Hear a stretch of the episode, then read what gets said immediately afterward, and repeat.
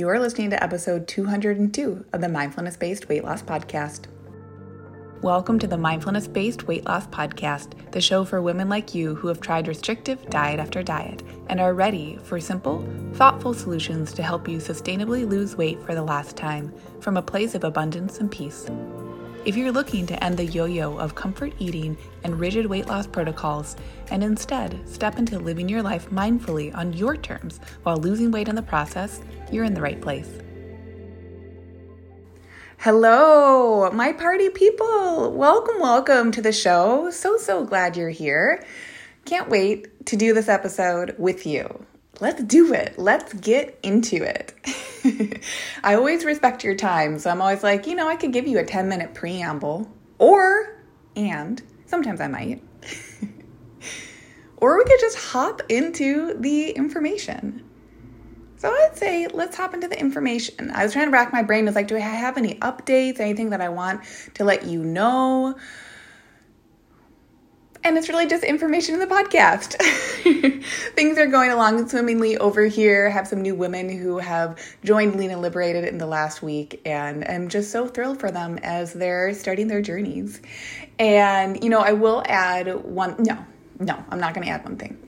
I'm just going to, I'll add in the one thing as I'm talking about today's subject because it really does align and it fits into the discussion for the day. So, you've seen the title of today's episode Maintenance or Weight Loss? Ooh. Cue what? Like, what is the feeling that might be coming up for you as you read and think about that title? If you're someone who has been wanting to lose weight, or you feel like given your best weight loss efforts, you are either always gaining weight or maintaining your weight, or you don't even know what your weight is because the scale brings up too much drama. and if that's the case for you, I encourage you to listen to my episode, Loving Yourself Down the Scale. I will link that in the show notes. And if you've listened to it before, listen to it again. It is a great episode that will really help you if you are someone who feels like the scale is really rich with emotions and emotions that are ones that you maybe don't want to be feeling, you're going to really like that episode. So, like I said, I'll link that in the show notes. But when I say the words maintain or maintenance and lose weight or weight loss, what are the feelings that come up around those? And I don't just mean like, well, I have a feeling I have a feeling it's fine. I specifically mean get really curious and ask yourself when I hear the word maintain and I apply that to me and my body, is there a feeling that comes up? 100% of the time, there is a feeling, by the way. Sometimes I think, even for those of us who are working in fields, like I will say, Lean and Liberated is open to any woman, or basically person that just doesn't identify as a man, um, and of any profession, whether or not they work, like if you need support with your weight, like you come into the program. But I will say there's been an interesting trend that I've noticed over the years, and that is that a lot of uh, psychologists, therapists, social workers, um, and relate people in related professional fields join the program. So, even as people, if this is you or it applies to you, even as someone, and even regardless of your profession, if you find yourself to be a caring, empathetic, even empathic person, it can be very surprising to realize, like, oh, as much as I think about other people's emotions, I don't actually know what it is I'm feeling right now. that is 100% super duper common for people who feel and are very well versed in emotions. You can be 100% well versed in emotions and 100% be out of touch with your emotions. Those are not mutually exclusive. Now, the cool thing is is that that's not a problem so often when people are starting to work with me or we're talking about if the program is a good fit, they can start to ask like just questions around whether they're a good fit. And here's how you know if you're a good fit to lose weight. You're a good fit to lose weight in a loving way if you are open to exploring what love means to you. Because, mm, as you've heard me say here before, how you do one thing is how you do pretty much everything.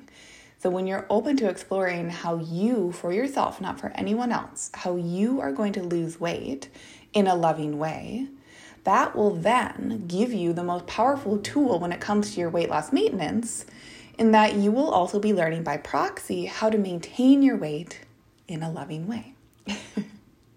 so, really get curious. Pause the podcast if you need it, or just take some time this week, you know, like use a journal.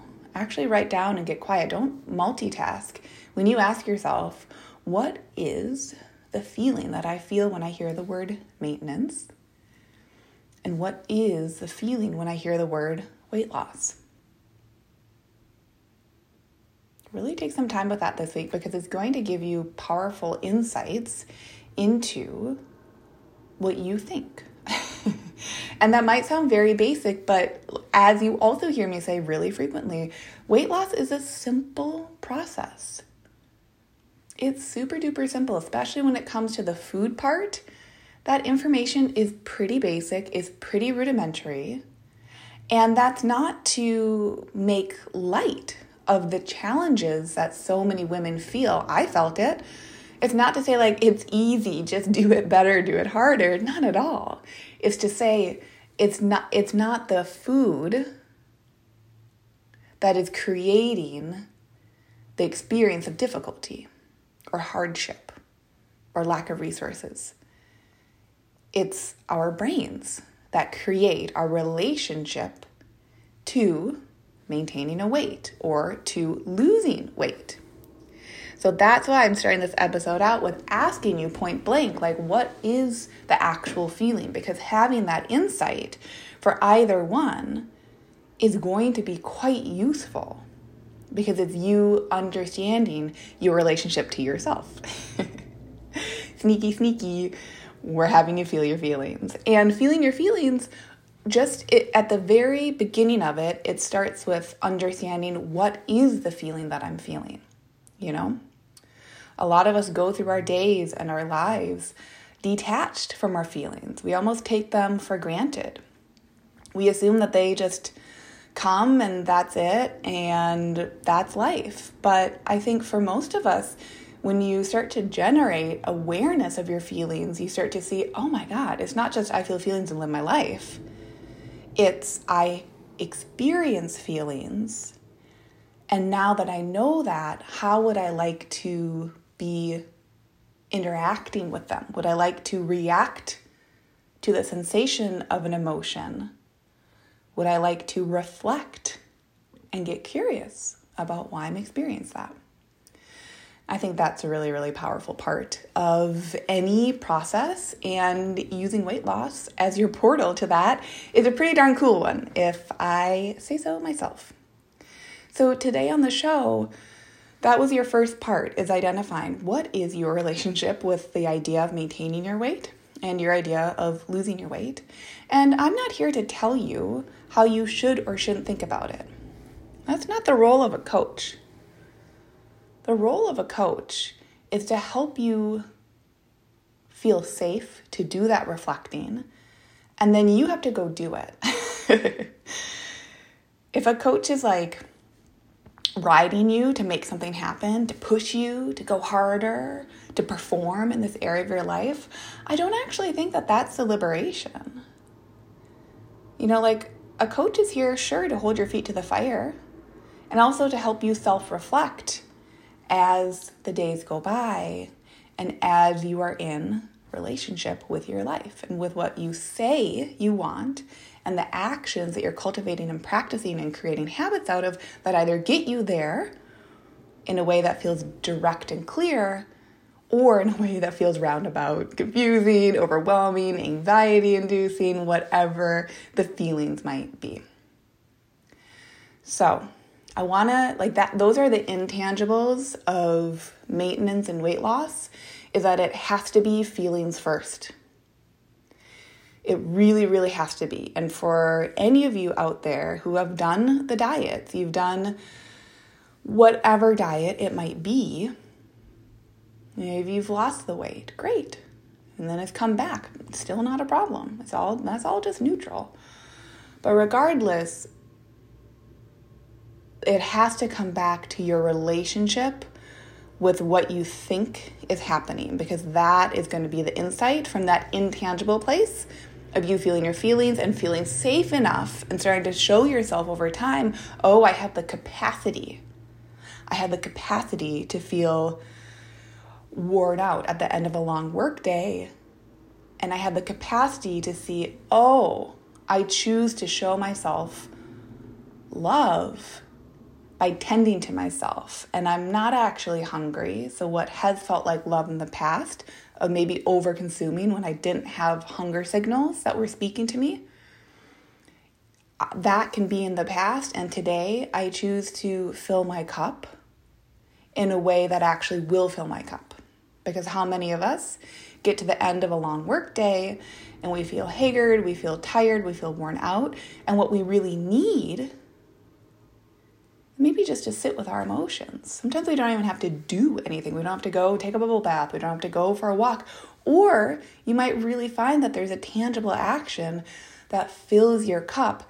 But the way that you get to figuring out what that is is that you feel the feeling first. You let yourself feel the full feel. Oh, I feel haggard. or, oh, I feel worn down.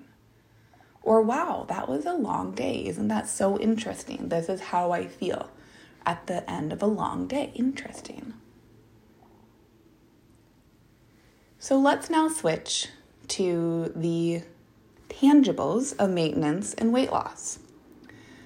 From a foundational level, there are two parts of I'll start with maintaining and then I'll talk about well no, I'll talk about weight loss first and then I'll talk about maintenance. There's two tangibles when it comes to losing weight.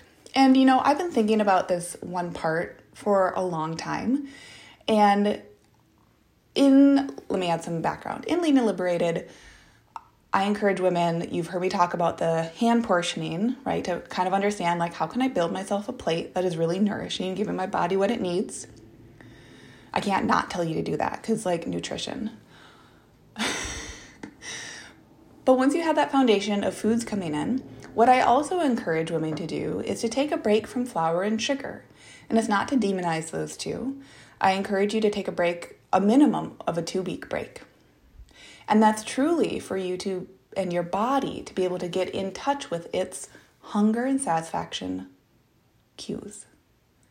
So that as you're building these nourishing plates, you are able to also be in the driver's seat of taking ownership of, oh, I'm actually hungry right now. It is time for me to eat. And as you're eating, oh, my satisfaction is coming on. I'm going to choose to be done now. I think what is interesting is that while any dietary change can offer weight loss, if it is offering you a caloric deficit, the ease in which weight loss can occur for so many women, the big change agent there is all of this intangible work, right? It's like the whole, like the mindfulness, the whole basis of this show that's a huge foundation. But from the tangible standpoint, it is radically allowing your body to actually be able to speak to you without the flour and sugar.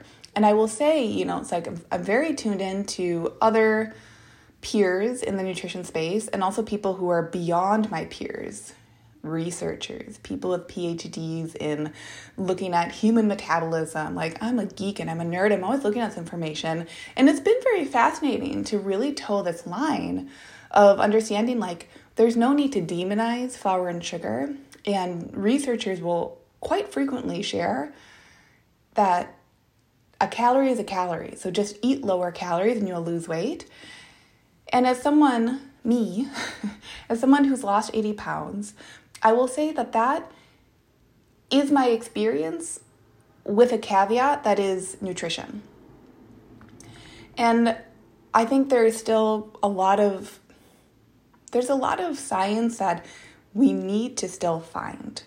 And I say this again, not as a researcher, not as someone who has her PhD in any of this part of the biological sciences, but as someone who notices human behavior and as someone who does recognize that there can be opportunity that different people's bodies respond differently to food. It is usually not as vast and great as I think we can make it out to be. I think a lot of the time we really personalize and make things very black and white, whether foods do or don't work, and like then we shout it from the rooftops if something does work for us. So I've been in this space of like, I don't love to push that taking a break from flour and sugar is as radically liberating as it actually is. But I think for people who feel that their their overconsumption of food and their hunger and satisfaction signals have felt murky in the past, I think there are some people who respond so well to unincluding flour and sugar for at least like for a true period of time so that they can really feel very much in the driver's seat of when they do include it, what they notice their body signals are. And that's different than other people, like I said, who are truly in the, the camp, if you will, that a calorie is a calorie is a calorie and that you'll lose weight eating Twinkies all day. Of course you will, but to me, within a calorie deficit, but to me, the ease in which and the response in which our bodies and our brains and our nervous systems are engaged, it really can be pretty life changing for so many people. The ease in which weight will come off without having to hyper manage calories without having to add an extra chore to your day of tracking your food, nutrient by nutrient, calorie by calorie, and instead simply shifting and saying, I'm choosing nourishment first. And as I do that, my body knows what to do with that information. It knows the information of more wholesome, less processed foods. I didn't say unprocessed, but less processed foods. So I need I always feel like I need to add that in because I do think it's a very important part. And it just makes it makes the weight loss less of that hamster wheel effect. If you want to count calories, bless you. I encourage you to have calorie awareness and to also leverage the signals that your body is sending you and we can tune in to that very specific radio station without the static that surrounds it when we take a break from flour and sugar. Okay? So, weight loss occurs. We are in relationship to it. That's why I started with the intangibles and mindset stuff. And then when we're deciding to lose weight, what will encourage that is yes, being in a caloric deficit, and for many of us, taking a break from flour and sugar so that behaviorally and physiologically, it is that much easier for our bodies, which are hormonal symphonies, to play the song in tune. It's, it's that combination right there, okay? So, what then is maintenance? What maintenance is, is this is choosing to eat in a way that allows your body weight, your shape, your clothing size to be maintained within a fairly small window, right? It might be within a clothing size range, it might be within a scale pound range, however you define what that range is, because that's just up to you, how you define maintenance. And same actually goes for weight loss, you know, like losing a quarter pound a week is weight loss. Losing five pounds a week is weight loss. There's so much energy that goes towards losing weight and maintaining weight that is so negative. like I find myself over time, and I really had to figure out why this didn't feel good for me, but over time, I tend to mute and unfollow and just create distance from conversations around weight loss and maintenance and gaining weight and anti diet culture and intuitive eating and like whatever else, not because it's triggering, but because to me it's not it's not useful if it's coming from the same energy that dieting comes from.